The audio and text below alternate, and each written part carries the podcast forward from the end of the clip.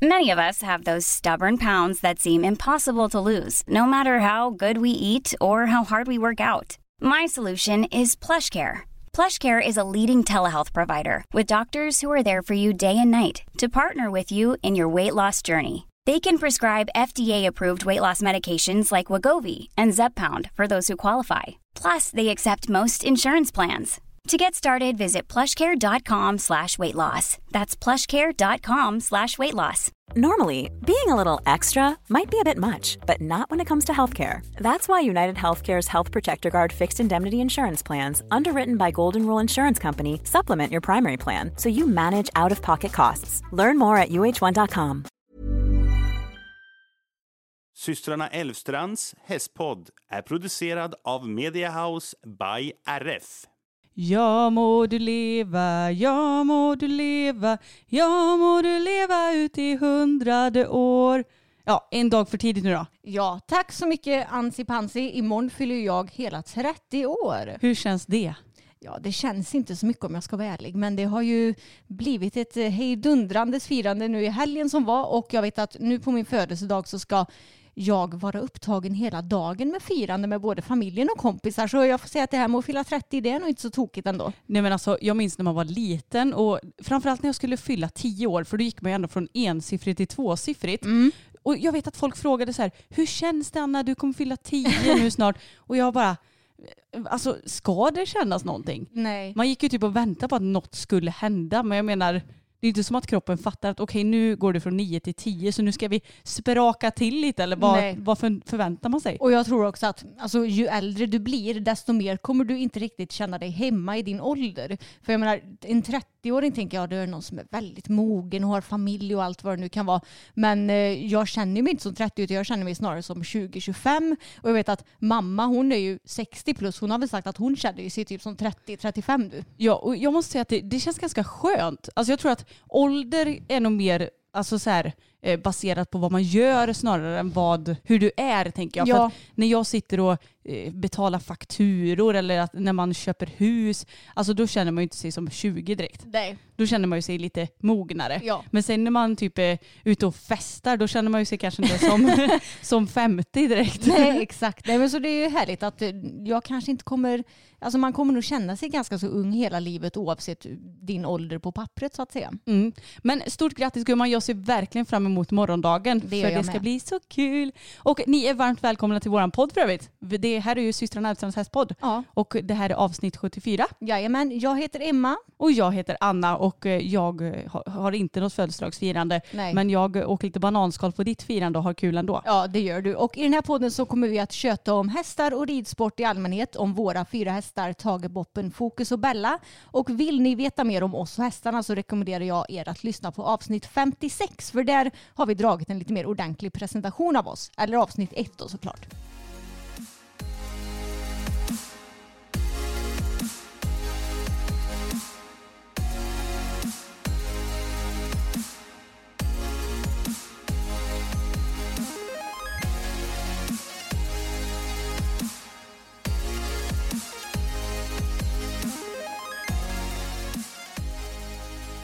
Okej, ska vi bara börja med att prata om din fest eller? Ja, men vi får göra det. Och börja med att prata om hela helgen kanske, för det blir ju ändå lite kronologisk ordning allt som har hänt i helgen. För det har ju varit en väldigt rolig och väldigt aktiv helg kan man säga. Det kan man verkligen säga. Mm. I fredags kan vi börja med då. Ja. Så firade vi tillsammans med vår släkt. Mm. Och det var ju kul att träffa dem för det blir inte så jätteofta. Och i synnerhet nu när det har varit pandemi och så. Eller ja, det fortgår väl fortfarande. Men Jo. det är ju lite lättare nu och lite mer vaccination och sånt där. Så Mm. vi, vi kunde ändå träffas. Mm. Och det var jättekul tyckte jag. Ja det var det. Vi var faktiskt på ridskolan för vi har ju alltså, ganska nyss byggt en ny anläggning och då har vi en väldigt, väldigt stor vad ska man säga, kafeteria och lite, alltså det är nästan lite konferensaktig själva lokalen tycker jag. Ja men det är det. Och eh, där kunde vi få plats utan att behöva tränga så det var väldigt kul att ja, men träffa släktingarna som vi inte har träffat på länge och eh, bland annat våra yngre kusiner du och jag är ju de äldsta i kusinskaran och sen så har vi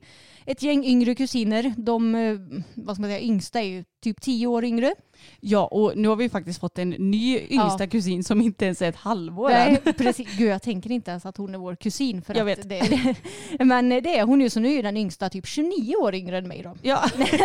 ja. Men utöver henne så har vi ju kusiner som är typ 10 år yngre. Och det är så kul för när jag pratar med dem så säger de att ah, det är så kul för eftersom vi heter Älvstrand i efternamn så brukar de fråga ifall vi är släkt med Emma och Hanna. ja, det är klart att folk gör. Mm, ja, för jag tänker att det blir ju kanske lite mer deras målgrupp. För alltid när vi har varit yngre och även ja, men nu på äldre dagar om man träffar vuxna människor så frågar ju alltid folk ifall vi är släkt med Olle, alltså vår farfar. Ja, och det blir ju lite generationsbyte här nu då. Ja, det blir det. Så förut så var det farfar som var den som folk fick frågan om och nu är det oss som folk frågar om. vad, vad knäppt det här är Ja. egentligen. Men vi käkade ju smörgåstårta och tårta och lite godis och så med Mm. dem. Och du fick väldigt fina presenter. Ja, det fick jag. Så jag är väldigt, väldigt glad. Och sen så var det ju då tävlingsdags. Så på morgonen hade vi ju ridit hästarna och jag hade tävlingsförberett och så. För vi skulle åka iväg till Falköping dagen efter. Och det roliga var att alltså, jag har ju planerat väldigt, eller väldigt länge, nu överdriver jag. Men sen en månad tillbaka så har jag ju planerat att ja men om nu pandemin är under kontroll så vill jag ordna en fest för Emma. Så jag bjöd in alla våra kompisar till ett evenemang på Facebook och skrev liksom all info så här att blir det värre så får vi ställa in men förhoppningsvis så kan vi ju ses. Ja. Så det var planen och då visste jag ju om att det skulle ske på lördagen. Och det roliga var när jag bara, ja men den 10 juli blir jättebra. Så kollade jag sen och bara, men hallå jag tävlar ju då. så då fick jag sk- skicka till arrangören att eh, jag gärna vill starta tidigt så att eh, jag inte behöver stressa hem och sådär. Och det var inga problem. Så jag packade och grejade på fredagen och sen så på lördagen så skulle vi iväg. Och Emma du frågade mig, ah, när var det vi skulle åka imorgon eller när behöver jag vara i stallet imorgon? Så skulle jag gå in och kolla på mina anteckningar och då höll du på och stirrade i min telefon. Så då tog jag typ ett kliv åt sidan så här för att jag tänkte att jag vill se eran själv. Ja. För jag visste ju också att jag har en anteckning i min mobil som heter Emmas fest. Jaha. Och då Mm. tänkte jag att alltså, visst det är inte så att man kanske hade lagt märke till det men det vore ju så tråkigt att avslöja sig så här dagen innan. Jo. Så då, du fortsatte ju bara gå efter mig. Jag bara, men vad fan. Mm. Så då fick jag ju bara ah, försöka tänka i huvudet vad var det jag hade skrivit ner egentligen. Så det löste sig ändå. Mm. Och jag måste säga att jag är väldigt imponerad över mig själv att jag lyckades dels hålla det här hemligt för dig Ja. och dels att jag lyckades prestera på tävlingen. ja, verkligen. Du har eh, fått ha fullt fokus på två grejer kan man säga. För det ska ju tilläggas att jag har ju inte haft någon aning om den här festen. Alltså jag har inte ens misstänkt det. För det har varit lite så här, folk har frågat mig, "Ja, men ska inte du ha någon 30-årsfest? Jag har varit så här, ja men jag orkar liksom inte ordna med någonting. Jag hade tyckt att det varit jättekul att ha en fest men jag har inte orkat ta tag i det. Eh, ja, för att jag är liksom ingen riktig festfixare eller vad man ska säga så som du är.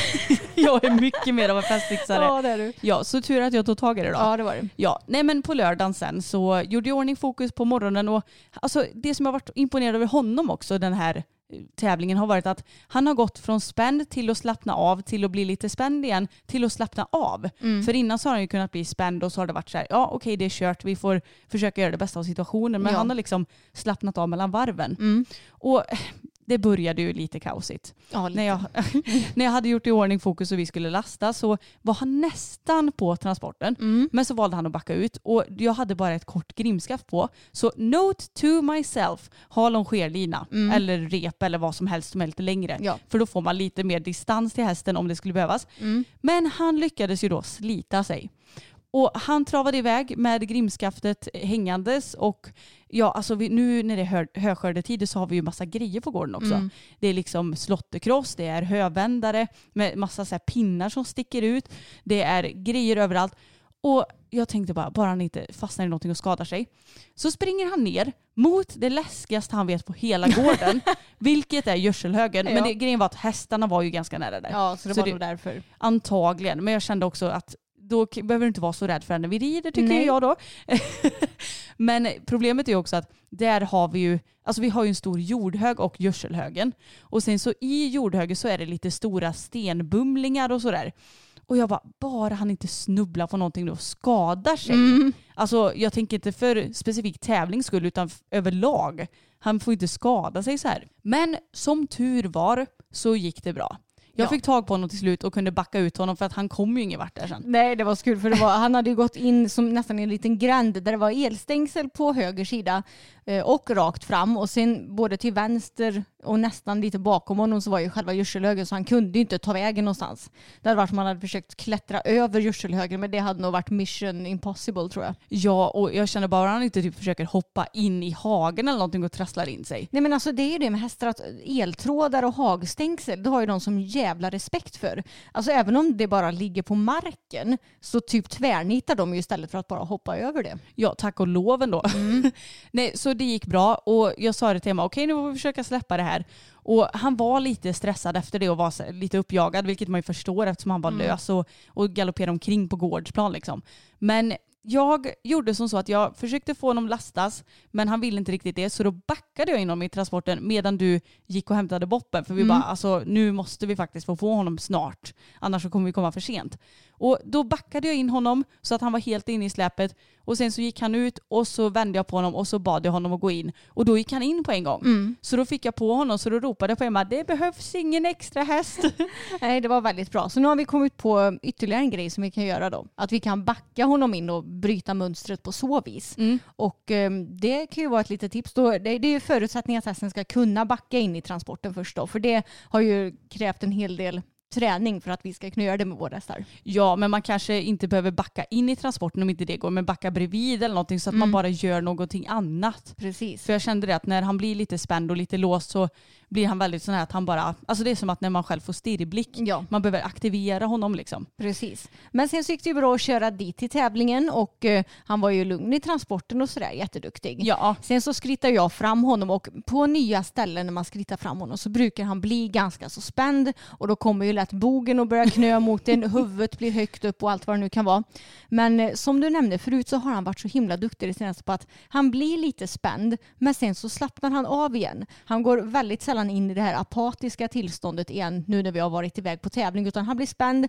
Sen så är han kontaktbar och lugn och lyssnar och han var ju väldigt fin tyckte jag hela framridningen. ja men det tyckte verkligen jag också. Han var lite, lite okoncentrerad först bara. Men det släppte ganska fort efter att jag hade gjort lite övergångar och sådär. Och på framridningen så, ja men jag tog några rejäla pauser för jag kände att jag behöver inte rida på så mycket om han redan är fin. Det är ju en grej om man känner så här, oj vilken träig häst jag sitter på idag. Ja. Då behöver man kanske komma lite mer till arbete. Men han var liksom där ganska så snabbt och vi gjorde lite förvändgalopp och lite skänkelvikningar och så som är ändå det svåra i programmet. Och sen så sa jag till Ebba att nu tycker jag att vi skrittar ner så att vi har lite god tid på oss där nere. Och det är så roligt med honom för att han är egentligen en ganska så spänd här som tittar på mycket men när man väl skrittar på tävlingsplatsen så är han ganska modig. Ja det är han. Det låg ju slangar och skit och eh, skit. Nej men slangar och grejer som, ja det kan ju se ut som ormar. Och någon dörr som står uppe som han i normala fall säkert hade tittat på men han bara okej då. Och sen så skrittade jag in på banan och jag har ju min lilla plan efter att vi red i Vara. Att rida serpentinbågar i båda varven så att han får se hela banan.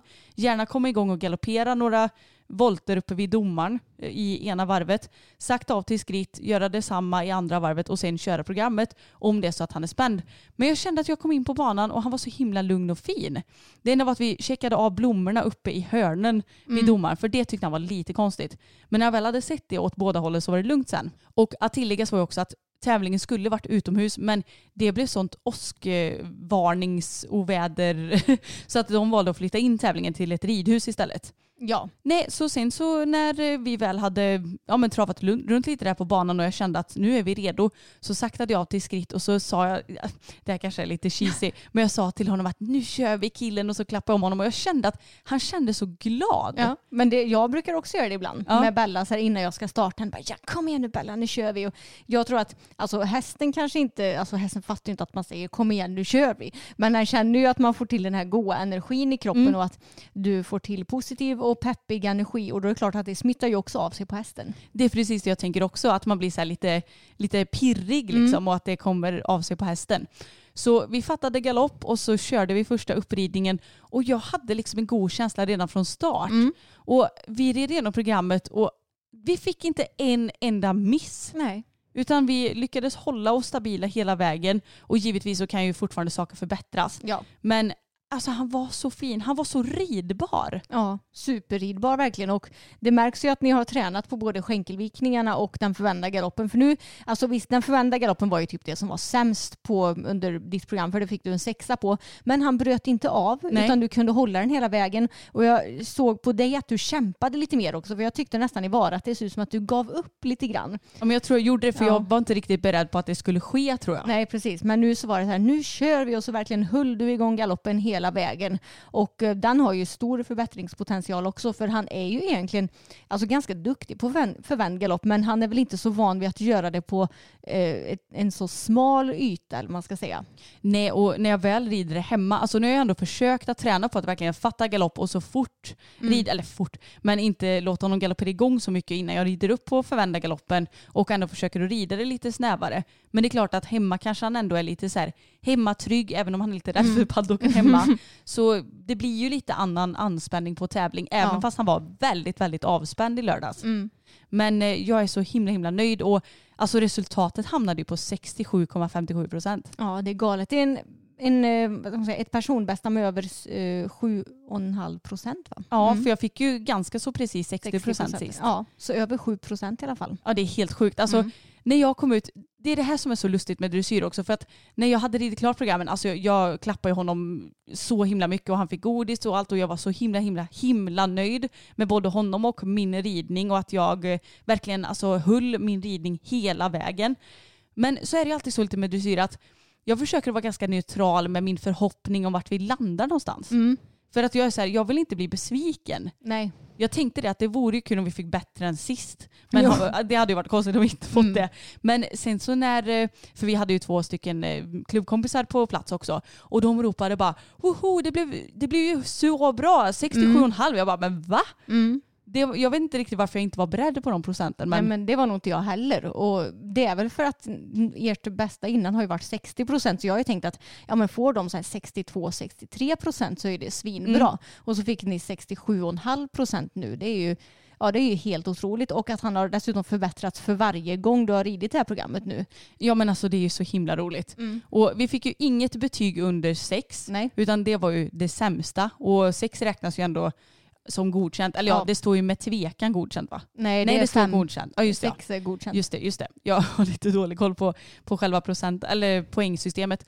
Men eh, vi fick ju en åtta på avslutning också. Mm. Och vi fick ju många 6,5, 7, 7,5. Mm. Så att alltså, jag, jag är bara så helt eh, salig över det här. Ja, och nu blir det tävling igen till helgen. Då ska vi rida i Vänersborg istället och då blir det utomhus. För nu Precis. står ju det att det ska bli soligt och fint. Mm. Så då kör vi utomhus igen. Ja. Och jag är så peppad. Det ska bli så kul att fortsätta utvecklas och nu ska jag kämpa ännu lite till i förvändargaloppen. Mm, det låter bra och det blir bra träning för honom att eh, tävla utomhus också för han är ju generellt sett lite mindre spänd inomhus. Mm, precis, så att jag tror att inomhussäsongen kanske vi kan blomma ut ännu lite till. Ja, antagligen. Men eh, nej, jag, jag är bara så glad. Jag är fortfarande så himla glad några dagar efteråt nu. ja. Och jag måste säga också att jag har blivit bättre på att faktiskt eh, ja, men ge mig själv lite mer cred. För att Mm. när jag var yngre så hade jag så mycket hjärnspöken om att jag var typ den sämsta ryttaren i hela världen och klankade verkligen ner mycket på mig själv och så här. Men jag har verkligen blivit mycket mer mentalt stark. ja, jag håller med. Det har det verkligen blivit och jag tror att mycket av det beror ju på fokus att du har fått eh, ha, ja, men rida en så pass svår häst, utveckla honom och när du har märkt att du faktiskt klarar av att göra det så får ju du också mer självförtroende. Mm, så är det ju verkligen. Jag har ju lite tvingats att ändra mitt mentala status Ja. med honom. Ja, verkligen. Och sen har vi ju tagit hjälp av Emelie Espegren också på Mm. ryttaroptimering. Ja, alltså hon är ju grym också för den Mm. delen. Och jag har verkligen tagit med mig ett av hennes tips. Mm. Att eh, tänka mycket på vad man är tacksam över. Ja, men jag brukar göra det när jag gör i ordning honom inför tävlingen. Men också innan jag ska gå in och starta. Så nu stod jag ju utanför ridhuset och blundade och verkligen tänkte på ja, men fem saker jag är tacksam över. För Mm. att då blir man fylld med kärlek och glädje och förhoppningsvis så smittar det av sig på hästen så att den också känner sig trygg och bekväm. Ja, men sen så åkte ju vi hemåt då från tävlingen och eh, jag tänkte ju att ja, men ikväll då ska vi ut och äta bara familjen. Mm. Jag, Anna, mamma och pappa och Samuel. Och hade liksom gjort mig i ordning lite grann för det. Jag hade frågat Anna eh, om det var något specifikt jag skulle ha på mig. För när jag fyllde 25 var det tror jag, Mm. så åkte vi ut och hade lite vad ska man säga, överraskningsmiddag. Det vill säga att jag visste liksom inte vart vi skulle. Och då visade det sig att de hade bokat bowling innan det. och jag hade på mig en klänning som var jättelång, alltså typ så lång att jag trampade på den. Så jag kunde typ ha klackar, men när jag hade platta skor så trampade jag på den. Och då skulle jag alltså bovla i den klänningen. Så det var ju inte jättesmidigt om man säger så. Nej, det hade man ju kanske kunnat eh, se till att undvika, men eh, förlåt. Ja, det var, där, det var därför jag frågade om dresscoden till ja, den här middagen då. Men då verkade det ju som att vi bara skulle äta middag så då tog jag på mig en klänning och sminkade mig ordentligt och sådär. Och sen så kommer mamma och pappa och hämtar mig för att ja, men planen var ju att de skulle hämta mig så att vi skulle åka och hämta Anna och Samuel och sen åka och äta då. Och jag tyckte inte att det var något konstigt. Du var lite nöjd över det va? Ja men alltså grejen är att vår familj är ju inte så att vi brukar åka ut och äta på restaurang sådär gör mycket. Utan vi brukar ju snarare se till att äta middagar hemma. Alltså familjemiddagar där vi lagar egen mat för att och jag vet inte, vi var dåliga på att komma iväg helt Mm. enkelt. Så jag tänkte lite så här, hoppas att Emma nu fattar, eller går på att vi ska ut och äta middag. Ja, men alltså jag tyckte inte det var något konstigt att eh, vi skulle hämta er. För jag tänkte att ja, men då kanske mamma eller pappa kör och att vi ska dricka lite typ. Mm. Så det, det var ingenting som jag reagerade på att det skulle vara konstigt. Men då kommer mamma och pappa och hämtar mig och jag får sitta i framsätet. Och så mamma, ja men du kan sitta i fram. Då tänkte jag, ja ja. Men det får jag väl göra bara för att jag fyller år typ. Så jag tänkte inte heller att det var något konstigt. Vi åker iväg, pappa har tuggummi i munnen. Jag får panik, börjar skälla på honom att han ska kasta ut det. För jag har ju misofoni och är superljudkänslig. Och jag, alltså jag klarar inte av människor som smaskar. Jag kan knappt äta med andra människor bara att, för att det finns alltid någon, oftast man, som smaskar. Ja, jag är lite likadan. Ja, så jag blev lite sur på pappa som vanligt när han har i tuggummi. Och så sa jag spotta ut det, jag kan inte vara arg på dig hela jävla kvällen så spotta ut det nu. Då gjorde han det och sen så åkte vi till dig i godan ro för då höll han inte på och smaskade längre. och sen så, just ja, precis när vi är på väg så ringer du till mamma. Och planen var ju att mamma skulle hämta mig vid typ så här 20 över fem så att vi skulle vara hos er vid halv sex. Och när hon är så här typ eh, ja, fem i halv då ringer du mamma och frågar typ vart, om vi var på väg va? Mm, det gjorde jag. Och jag tänkte så här att ja, men man kan ju ändå skylla på att man vill eh, klä på sig och gå ut och vänta utanför. Så jag tänkte om hon nu frågar så här, varför undrar du det? Typ, så tänkte jag att då kan jag ju ändå dra till med något sånt. Liksom. Ja och jag tänkte bara varför ringer hon? För Anna brukar inte vara, du brukar inte ha bråttom. Det brukar ju snarare vara tvärt, tvärtom att vi har eh, tidsoptimist så att eh, du är lite sen snarare. Eh, ja. Ja, så då tänkte jag, jaha, undrar varför hon gör det. Och sen så sa mamma, ja men en boka, ett bokat bord, är ett bokat bord, så vi har inte så bråttom. Så, Nej, för vi sa du det att ja, men hon kanske vill komma i tid till restaurangen eller något va? ja, jag tror det. Ja. Så ja, det, jag tyckte att det var lite konstigt att du ringde, men jag trodde fortfarande inte att du hade planerat något annat. Och sen så kör vi då in på Annas gårdplan och eh, grejen är att när du kör in på gårdplanen så är huset rätt fram. Sen så är det ju massa andra byggnader till vänster. Vi har ju gjort en house tour på vår vardagskanal på Youtube där man kan se lite det här. Så om ni vill så kan ni spana in det för att förstå lite hur jag menar. Men, ja, men då, när man kommer så ser man ju bara huset, du ser inte det som är till vänster. Och det ser du inte heller när du kommer och kör på grusvägen. Nej, exakt för det är lite inramat. Ja, det är väldigt inramat. Och då kommer vi och kör in och sen så svänger mamma runt, ja men vad ska man säga, verkstaden. Mm. Och då när hon svänger runt och bilens nos är liksom mot verkstaden, då ser jag alla mina kompisar där och Anna. Och jag blev så förvånad. Alltså jag hade inte räknat med det så jag började ju störtgråta. ja, det är så roligt hur man kan reagera för det var exakt likadant för mig när ni överraskade mig på min möhippa. Att man börjar gråta men man blir ju glad och överraskad på samma ja, gång. Alltså verkligen så glad. Och jag hade ju sminkat mig så jag tänkte också nej nu får jag inte gråta för mycket för då kommer ju sminket att förstöras. Men det är ju tur att jag eh, har bra smink så det, Mm. det höll eh, trots att jag lipade en del. Ja, och så var det väl med det. Det var kompisar och släkt från både Varberg och ja, men här omkring som var här och det var, ja, det var jättekul att eh, så många kunde komma för de allra flesta kunde ju nästan komma. Ja, det var jätte, jättekul verkligen. Och det var så kul också när eh, Emma klev ur bilen så fick du en drink i handen Mm. och så fick du partyglasögon och även en sån här, vad säger man, ett band. Ja. Där det står så här eh, 30 och 30th birthday eller någonting sånt Mm. där. Eh, och så skulle mamma köra iväg och parkera för jag hade frågat mamma och pappa om de kunde tänka sig att liksom duka fram mat och sånt här. Och det sa de absolut. Så när mamma backade och bara skulle parkera, då bara min väska, min väska. Ja, jag min tror de skulle köra därifrån. Och jag hade min väska med min mobil och allting där. Men då skulle hon bara parkera. Ja. Så det var lugnt. Sneaky, Mm. Och vi började ju med att eh, ja, men bara ta en liten fördrink och skåla lite för dig och äta lite snittar och sådär. Och sen så hade jag ju i vanlig ordning ordnat med lekar. Mm. Så i veckan så har jag ju varit lite så här att ja men eh, vi har ju haft lite halvsemester så då har jag väl Ja. inte trott något annat så. Men Nej. när jag har sagt att ja, men jag tänkte att jag, eh, jag rider hästarna och så jobbar jag av det mesta hemma och sen så tänker jag att jag åker hem en sväng. Mm. Och det bara, ja ja. Och dessutom så har jag varit på Överby i Trollhättan med Samuel Mm. för att köpa de här, eh, ja men köpa lite, vad heter det, ballonger och, Ja. och de här grejerna som jag gav dig. partygrejer. Och då Mm. skyllde du på att ni skulle köpa någonting till Samuels traktor va? Eller vad fan Ja. var det? Mm. Det, det är väldigt bra att jag har en man som jag kan skylla på. för då, då ifrågasätter inte du det, för du är Nej. inte intresserad av traktorer ändå. Nej, så jag tänker ja, ja, det finns säkert någonting där som man behöver som inte finns att köpa här. Mm. Mm. Men icke som icke, det var bara jag som behövde åka iväg och köpa partyartiklar typ. eh, nej, så jag ordnade lekar och om det är någon som vill ha lite inspo till lekar så alltså det är bara att googla. Men vilken tyckte du var roligast Emma?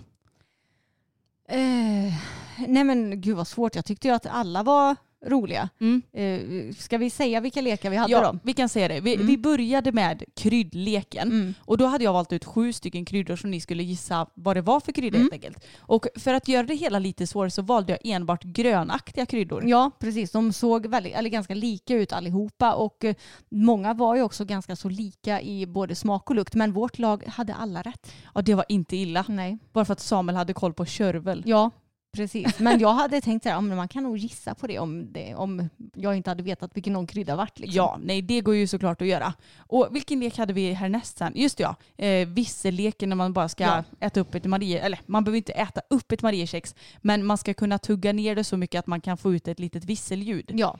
Och då valde vi att ha en person ur varje lag istället Mm. för att hela laget skulle göra det. ja, alla kan ju inte vissla. Nej. Jag kan knappt det längre. Kunde det när jag var liten men inte nu längre. Du har inte tränat tillräckligt mycket det senaste. Nej, det har jag inte.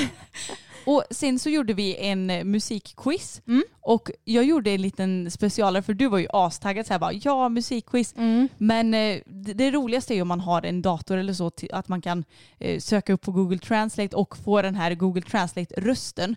Men jag valde att bara översätta låtar från engelska till svenska, refrängdelen då, och så berätta den på svenska. Mm.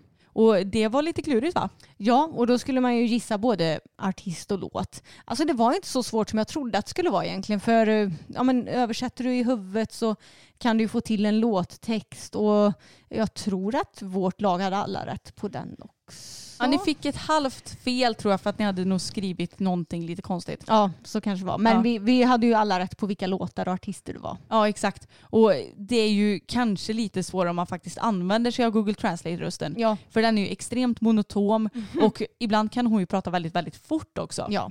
Så det är, det är verkligen en rolig lek som, som alla kan göra och man Mm. kan ju anpassa låtar efter vilka gäster man har också. Ja.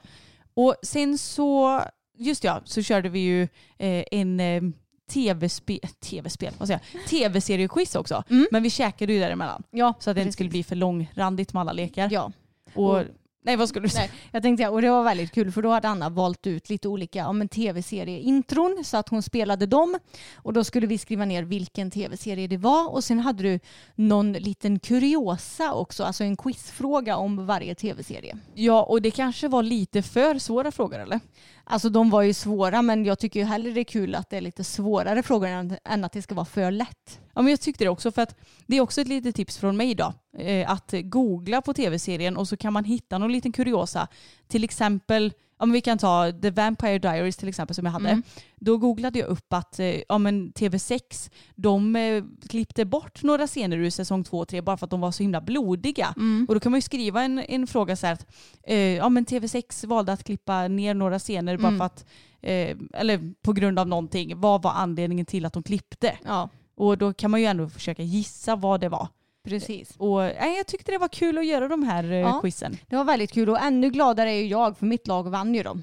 ja. Tävlingsmänniskan. Att, eh, att sägas måste jag också säga att vi gjorde ju en femte gren också. Och det var flip the cup. Ja just det, ja, det gjorde vi. Det Ja. hade jag nästan glömt bort. Och alltså det roligaste av allt var din teknik när du drack Emma. För att Ja. grejen att jag har, då, då köper man sådana här stora ölglas Mm. i plast. Jag vet inte om sådana finns att köpa längre men så fyller man upp till strecket som finns på det. Och det är ju typ, ja, vad, vad fick det plats? Fick det plats en ciderflaska i den? Ja, Ja men typ precis. 35 centiliter Mm. upp till strecket kanske. Och så ska deltagarna klunka i sig drycken så snabbt som möjligt. Det måste ju såklart inte vara någon alkoholhaltig dryck Nej. utan det kan vara vad som helst. Men grejen är att man ska svälja så fort som möjligt. Mm. Vissa är bra på det, andra dåliga. Ja. Emma är inte så bra på det så hon hällde ju typ halva drycken utanför munnen. Ja, alltså det var ju lite min taktik. För jag, alltså jag kan dricka väldigt mycket. Jag är bra på att dricka mycket men jag är katastrofalt dålig på att dricka snabbt kan man säga. Eh, alltså, jag, jag- mitt struplock kan liksom inte öppna sig. Jag kan inte svälja så fort utan- utan jag måste ju typ ha innedrycken i munnen och jag vet inte, min teknik är i alla fall värdelös på att svälja. Så eh, ja, jag gjorde lite som så att jag hade ju munnen lite halvt öppen så att jag lät det rinna ut lite grann och droppa ner på golvet istället. Vilket var en bra taktik för då behövde jag inte svälja så mycket. Nej och jag kan säga att det var nästan så att domaren diskvalificerade dig. Ja men det, alltså så farligt var det inte. Nu låter det som att hälften kom utanför men riktigt så var det inte. Nej men det var en hel del. men sen ska man i alla fall ställa det här glaset på bordet som vi har framför oss. Och så ska man vända det så att när det står som man ställer när man har dryck i, ska man vända det så att det hamnar upp och ner på genom att bara liksom putta till glaset Mm. under till. Det är svinrolig lek alltså. Mm, verkligen. Ja och ditt lag vann ju och ni fick en liten goodiebag också. Mm, verkligen, det var, det var tacksamt och alltid gulligt när man har faktiskt fixat någonting till det vinnande laget får jag säga. Ja, men jag tycker det också. Och det roliga var att när jag kom ut med de här påsarna, jag hade köpt jättesöta enhörningspåsar på, undrar om det var normal, Mm. kan ha varit. Eh, och då, då när jag kom ut med dem, folk bara, men om vi visste att det var priser så hade vi kanske ansträngt oss lite mer. Ja. det, jag brukar faktiskt ha priser. ja, det brukar du ha. Mm. Mm. Nej men så det var jättelyckat och vi åt tårta på kvällen också. Och Ja. dansade. Ja, alltså det var, det var så kul. Vi höll på till typ fyra på morgonen. Så festen höll ju på i, ja vad blir det?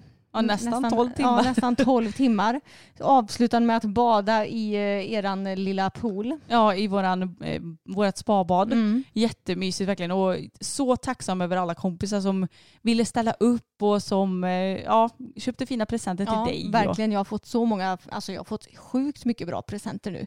Jag har fått eh, alltså väldigt, väldigt mycket av det som jag önskat mig. Så jag är ja, så förvånad och glad och tacksam över det här firandet nu i helgen. Ja, och på, imorgon som sagt så kommer du få ännu lite fler presenter. Mm. Så om du vill så kan du i nästa avsnitt nämna några som du är lite extra glad för. Ja, men det kan jag göra. Ja. Men eh, ja, nu tycker jag att vi lämnar eh, helgen. Eller vad säger du? Det tycker jag vi kan göra.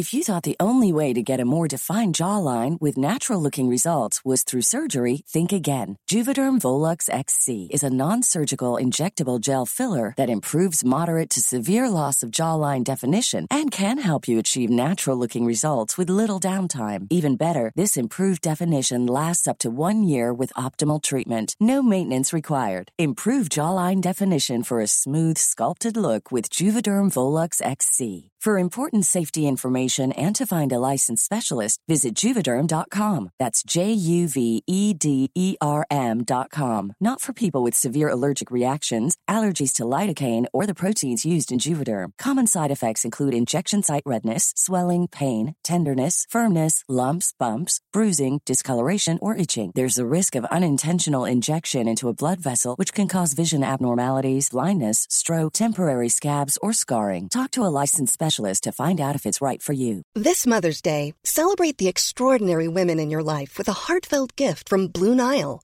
Whether it's for your mom, a mother figure, or yourself as a mom, find that perfect piece to express your love and appreciation. Explore Blue Nile's exquisite pearls and mesmerizing gemstones that she's sure to love. Enjoy fast shipping options like guaranteed free shipping and returns. Make this Mother's Day unforgettable with a piece from Blue Nile. Right now, get up to 50% off at BlueNile.com. That's BlueNile.com. Nej, men nu har ju vi varit ute på våra första tävlingar efter det här coronauppehållet och eh, Anna, du har ju insett att det har kommit upp några nya coronaregler på tävlingar? Ja, alltså, nu har inte jag stenkoll för att jag läste bara ur artikeln. Eh, Men jag ska försöka komma ihåg det som jag eh, läste. Och grejen är att det har ju ändå lättat en hel del med restriktionerna i landet för att nu har ju folk ändå börjat vaccinera sig och det har blivit mycket mindre spridning och jag har sett det nu att i Vara så har vi haft noll nya bekräftade fall nu Oj, två mm. veckor i rad. Så det är ju jätteskönt verkligen och då tänker man att ja men nu kanske vi kan börja leva lite mer mm.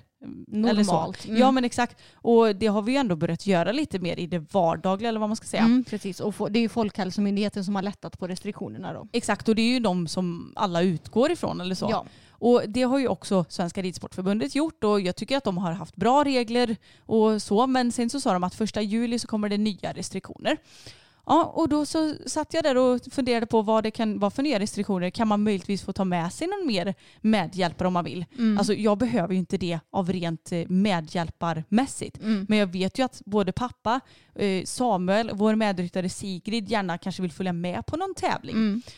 Ja, nej, då när jag ser en artikel så ser jag att man får ha publik om man eh, vad heter det, frågar om lov hos polisen tror jag det var.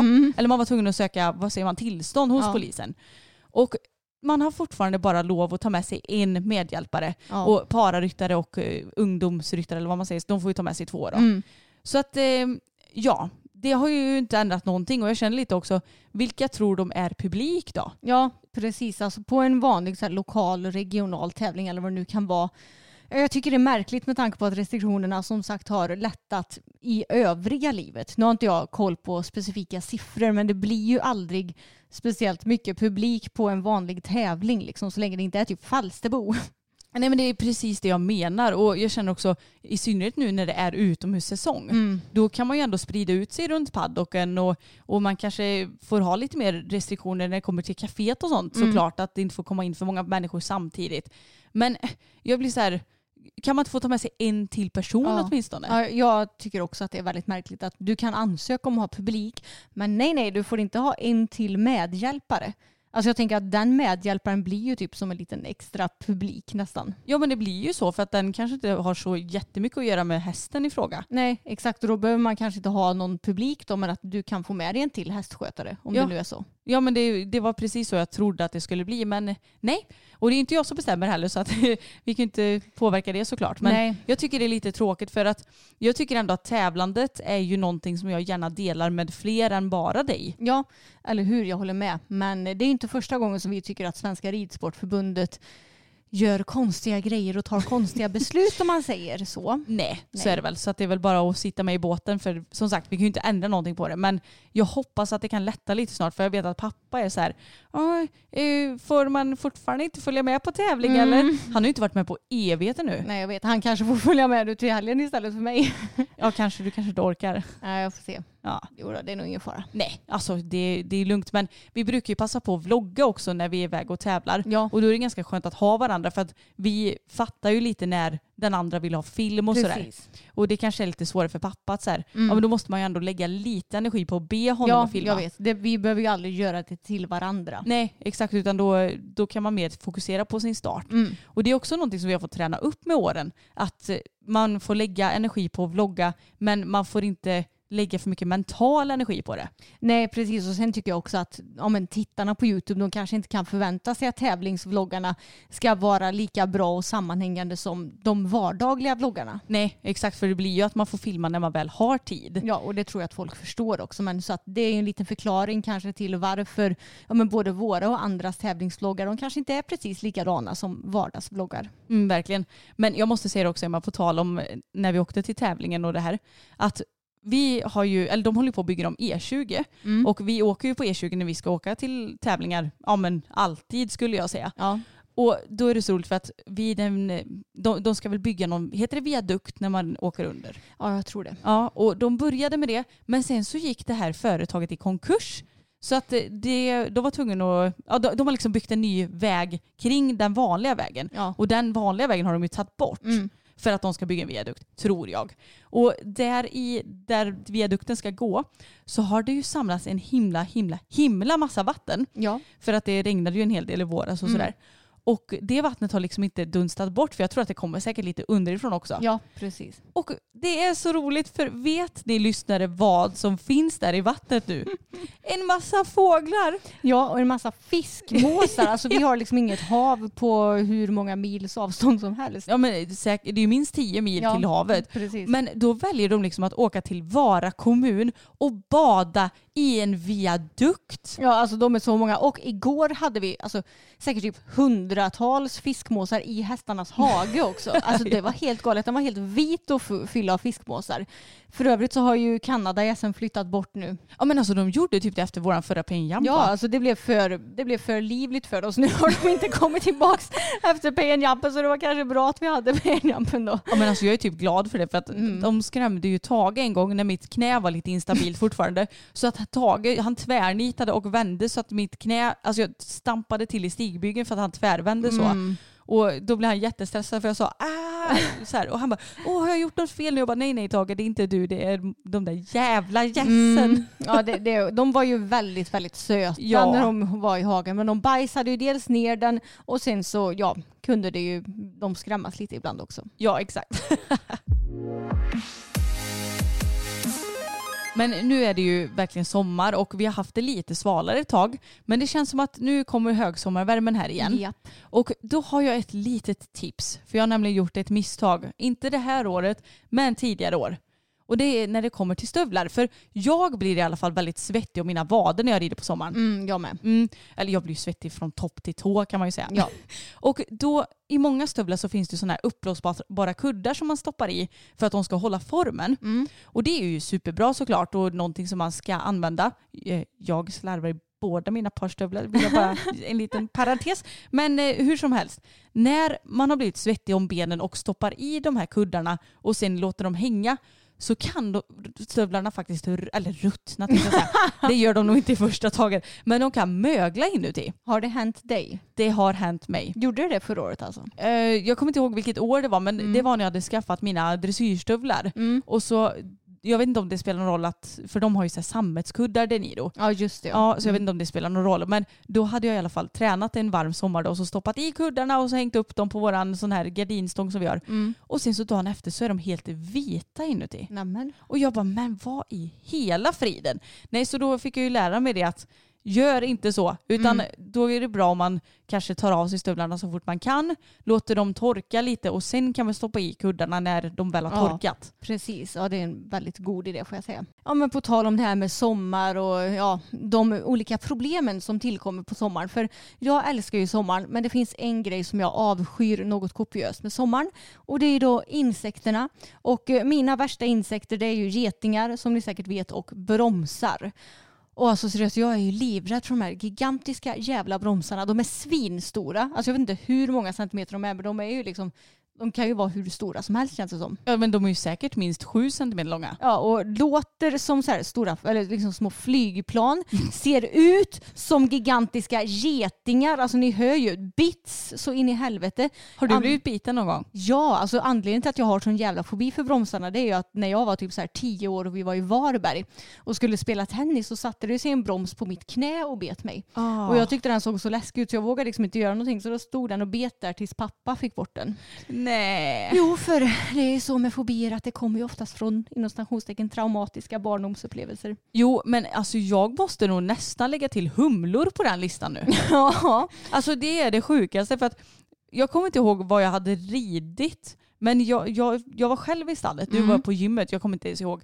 Men jag hade ridit Tage i alla fall. ja. Och så hade jag på mig ett par ridbyxor med eh, linning eller vad man ska säga. För inga ridleggings för de är väldigt mjuka och sitter Mm. tight på magen eller så.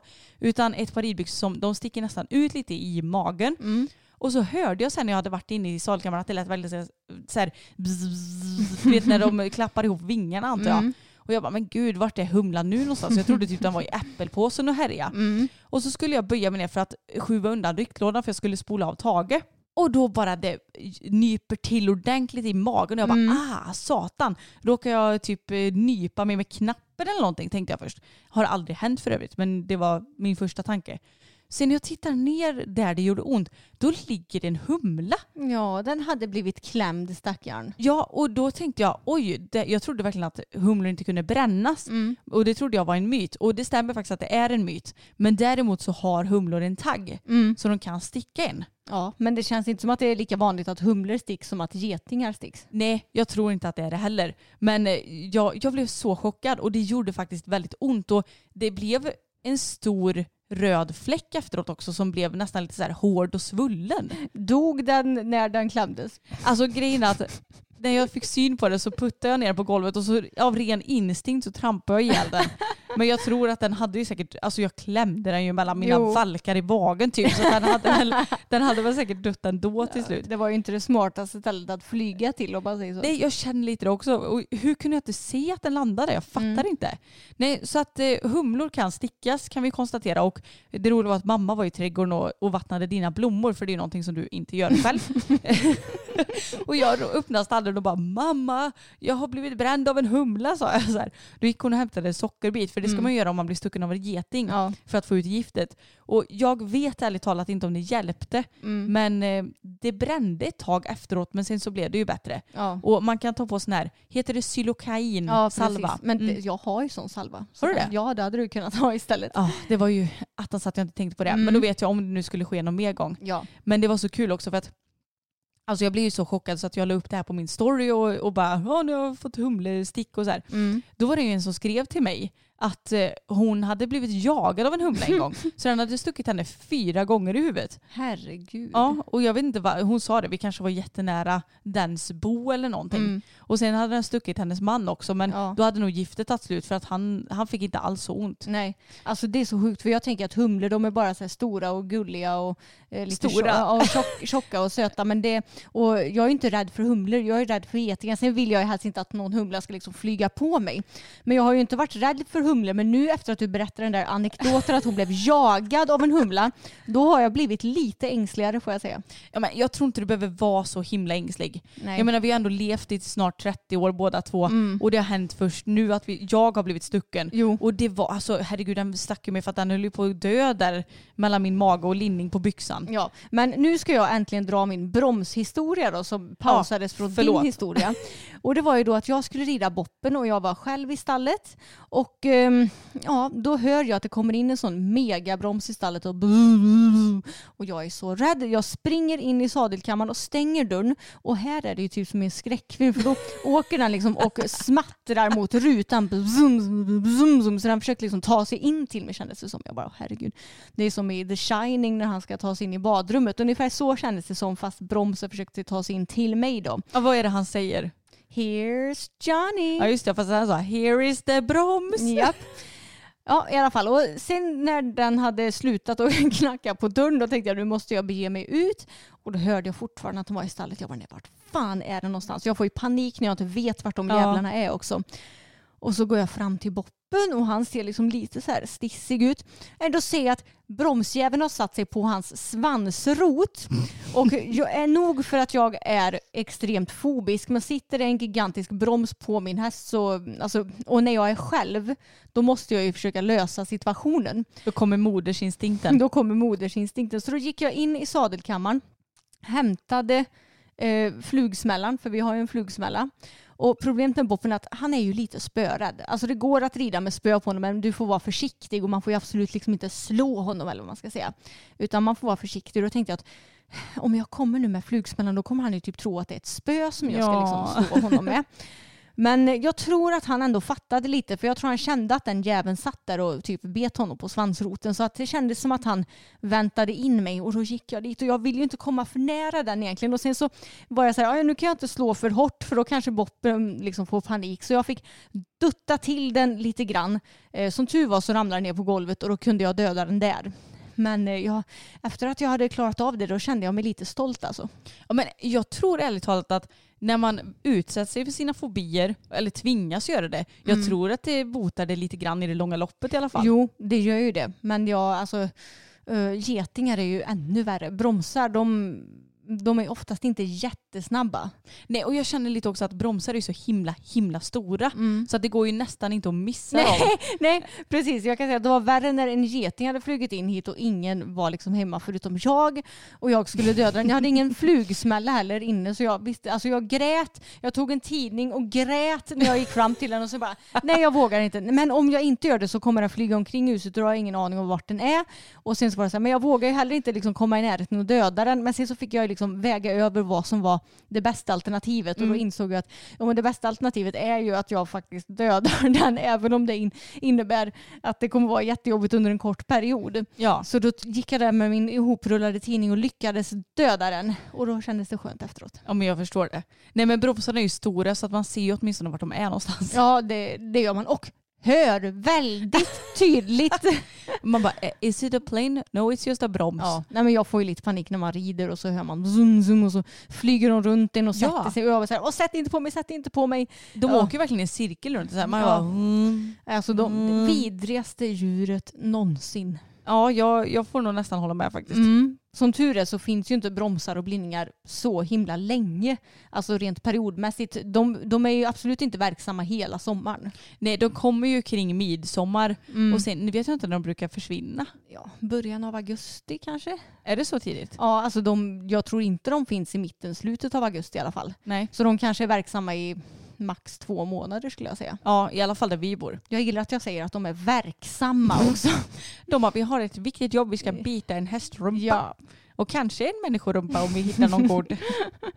Men när det kommer till det här med insekter också så har jag ju verkligen insett att våra hästar de är ju väldigt olika känsliga mot det här med insekter och inte bara bromsar utan även blindningar och flugor och allt vad det nu kan vara. Mm. Vilka tycker du är, eller vilka är känsligast? Ja, men jag skulle säga att både Tage, Fokus och Bella är ju riktigt mesiga när det kommer till insekter.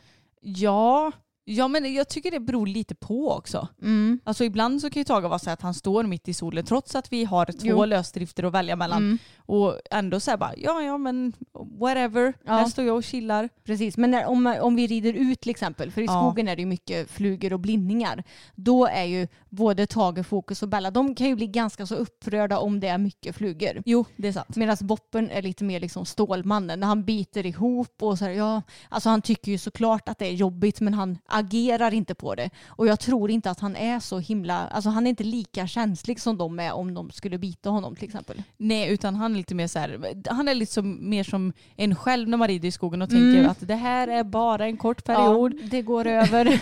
ja men sån är han verkligen. Han biter ju ihop och sån är det ju, eller han är ju sån när det kommer till allting också. Han biter ju alltid ihop även om han är skadad till exempel. Säger, ja, men jag biter ihop och försöker ändå och sen så visar det sig att jaha, oj, han har tydligen blivit sparkad så att han har fått en liten fraktur i sin bog. Ja. Alltså sån är ju Boppen om man säger så. Medan Tage, åh nej, jag har trampat på en sten, jag kan inte gå. Alltså de är väldigt olika drama queens om man säger så. Jo, lite så. Och det är verkligen, det ena är ju, alltså det är ju på gott och ont båda två skulle jag säga. Ja, alltså nu på sommaren så är det ju skönt med Boppen för att du kan ändå rida ett bra pass utan att han blir upprörd. Men även om vi rider vissa pass hemma så kan ju till exempel, om man säger att jag rider Bella så kan ju passet bli stört på grund av insekterna. Ja. Men det känner jag ju aldrig med Boppen. Nej, det kan jag ju känna med Tag och Fokus också. Att de kan bli lite störda. Ja. Och att det blir så här, åh de stannar och ska skaka på hela kroppen om det Exakt. sitter någon blindning på dem. Mm. Precis, så de är väldigt olika känsliga våra kära små djur och vi får ju skydda dem så gott vi kan. Vi har ju ridit ut nu med våra flugtecken ifrån AB som kommer ifrån hästhuset och det funkar faktiskt väldigt bra tycker jag. Ja men alltså jag, jag märker faktiskt stor skillnad. Mm. Jag vet inte varför vi inte har skaffat ridflugtecken tidigare men Nej. jag, jag, tror nog att jag har varit lite så här, hur stor skillnad kan det göra egentligen? Men det gör ju enorm skillnad och Ja. jag känner lite att det är ju samma med en själv. Vi rider ju alltid med lite långärmade tunna tröjor för att insekterna inte ska landa direkt på huden. Nej. Och det är väl det som är skönt för hästarna också. Ja, jag tror det. Så det, de blir ju faktiskt mycket lugnare av att ha på sig de här tecknen. Så tips eller tips, vi kan ju ta och länka till de tecknen i beskrivningen till podden för de är faktiskt väldigt bra och prisvärda. Ja och de passar många hästar också för att Ja. de är ju öppna i bogen så att de verkligen ska kunna använda ben, eller Ja. frambenen precis som vanligt. Så att eh, de passar många storlekar på häst. Men Emma nu är jag så himla nyfiken för att nu la ju vi upp ett avsnitt tillsammans med Hanna förra veckan så att då Mm. hann vi inte riktigt med att beta av det här. Och jag vet att det är typ två veckor sedan som du satt och asgarvade åt någonting och jag bara vad är det? Och du bara jag ska ta det i podden så nu får du faktiskt spill the tea. Ja, men det är så kul för ja, ibland så kan jag tycka det är kul att googla mig själv för att se lite ja, men vilka artiklar och sådär man hittar och ifall det står något kul. Och då när jag googlade på Emma Elfstrand så kom jag in på en sida som heter filmyfeed.com. Och det är väl typ en sån här sida där, man, där de har lagt in olika inom stationstecken kändisar och berättar om ja, men lite när de fyller år och lite så här fakta om dem. Men grejen är att den här sidan har nog väldigt, väldigt dålig koll på mig om man säger så. Och det står ju på engelska då, så, så här står det i texten i början. Emma Elfstrand is a Swedish social media star who has gained popularity through the Eponomis Instagram account. Med, och sen, med över 26 537 plus följare. Alltså det var ju ett litet tag sedan jag hade så inom stationstecken lite följare. Ja. Så det är nog en väldigt eh, ja, men, icke-uppdaterad sida. Sen står det också att Emma Elfstrand is deemed as one of the popular influencers in Sweden. Ja, Jag vet inte riktigt om jag skulle hålla med det. Och sen står det born on... Emma Elfstrand hails from... Sweden. As in 2021, Emma Elfstrands age is... Alltså de har liksom inte ens koll på när jag fyller år och allt vad det nu kan vara. Nej. Nej, och sen så har de så här en liten sida personal info och då står det professions, alltså typ mitt jobb. Mm. Instagram star. star? Ja, och som att det är bara Instagram som jag jobbar med. Ja exakt. Det, det stämmer ju inte. Nej. De vet inte när jag fyller år, hur gammal jag är, vilket kön jag har. Eh, De vet inte liksom vart jag kommer ifrån, förutom Sverige. Sen är det här kul. Food habit. Non-vegetarian. Inte ens det har de koll på. Va? Nej, så tydligen är jag köttätare då enligt den här sidan. Eh, De har ingen aning om vil- vilka ja, men min familj är. De har ingen aning om skolan. Eh, och sen så, eh, nu ska vi se här. Sen kommer lite eh, frequently asked questions. Och då är det Does Emma Elfstrand know cooking? Not known. Does Emma Elfstrand smoke? Not known. Does Emma Elfstrand drink alcohol? Not known. Men här kommer det en fråga de har svar på. Does Emma Elfstrand go to the gym? Yes. Vad är det här för sida? Fast nu kommer det absolut roligaste någonsin. Okej. What are the hobbies of Emma Elfstrand? Jag tror att alla som känner mig vet ungefär vilka hobbies jag har. Så nu ska vi se vad den här sidan säger. Mina hobbies är enligt dem reading, photography, learning, traveling, internet surfing and to name a few. Reading, ja, jag har inte läst en bok på flera år. Alltså jag har inte läst sedan jag gick i typ högstadiet. Photography, nej, alltså jag fotar ibland när jag måste. Learning, ja vad fan menas med det? Man lär sig grejer varje dag. Alltså ser du min min eller? Ja. Traveling, jag har inte varit utomlands på tre år och innan dess så åker jag utomlands typ så här en gång vartannat år. Alltså jag har typ aldrig rest. Nej det är ju inte vår hobby att Nej. resa. Eh, internet surfing, ja men det gör väl vem fan allihopa nu för tiden. Ja även Agda 87 typ. Precis. Ja, de, de har liksom ingen koll på att jag rider. Oh my god. Mina andra hobby, eller mina liksom hobby som jag skulle säga det är ju ridning, matlagning, träning, smink och skönhet. Ja, det är väl typ eh, det skulle jag säga. Ja.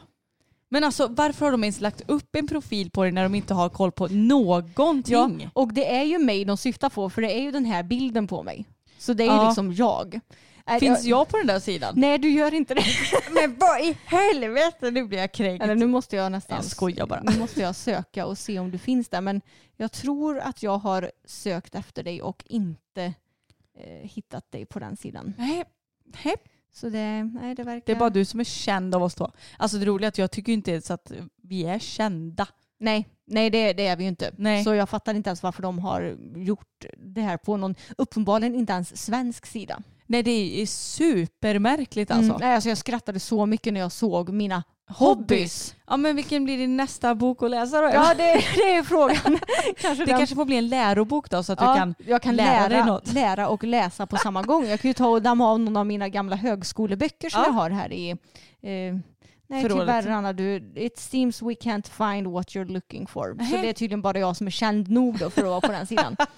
Ja men det är klart att jag har ju typ 500 följare mindre än dig så det kanske är därför. Ja, Om den- inte ännu mindre. Ja, men den köttälskande fotografen och resefantasten och bokläsaren Emma, hon fick vara med.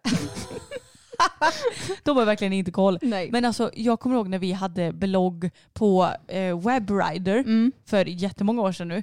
Då hade vi ju det under verktyget Wordpress Mm. och då kunde man ju se vad folk hade googlat på för att komma in på bloggen. Mm. Och då var det någon som, jag kommer inte ihåg exakt vad det var, men jag tror att det var någon som hade googlat på Anna Elfstrand naken.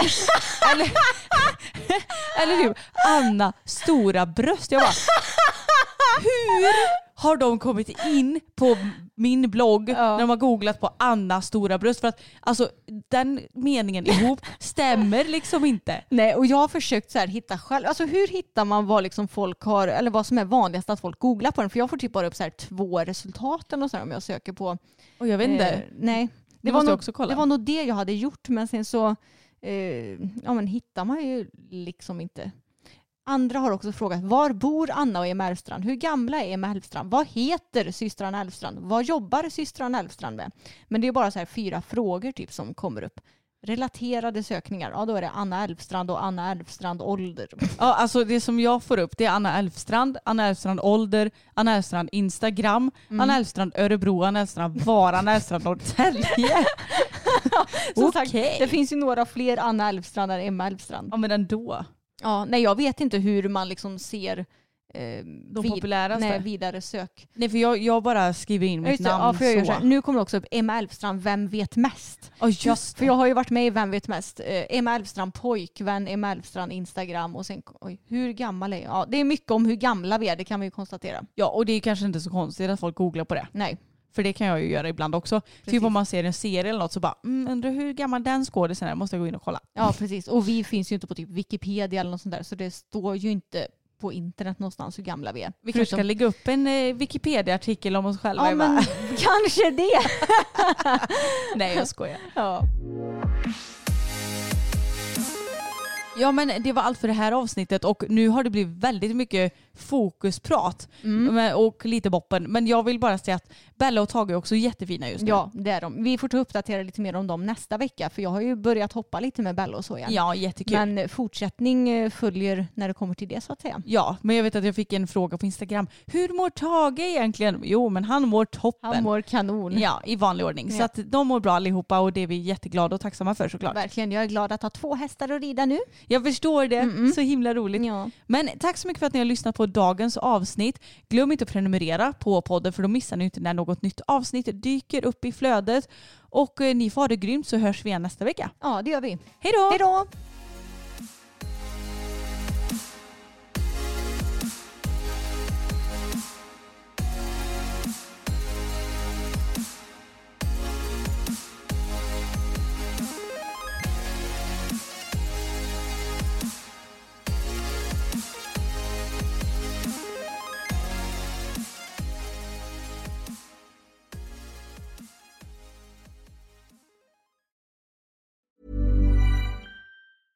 Mom deserves the best, and there's no better place to shop for Mother's Day than Whole Foods Market. They're your destination for unbeatable savings, from premium gifts to show-stopping flowers and irresistible desserts. Start by saving 33% with Prime on all body care and candles. Then get a 15-stem bunch of tulips for just $9.99 each with Prime. Round out Mom's menu with festive rosé, irresistible berry chantilly cake, and more special treats. Come celebrate Mother's Day at Whole Foods Market. Mom deserves the best, and there's no better place to shop for Mother's Day than Whole Foods Market. They're your destination for unbeatable savings, from premium gifts to show-stopping flowers and irresistible desserts. Start by saving 33% with Prime on all body care and candles. Then get a 15-stem bunch of tulips for just $9.99 each with Prime. Round out Mom's menu with festive rosé, irresistible berry chantilly cake, and more special treats. Come celebrate Mother's Day at Whole Foods Market.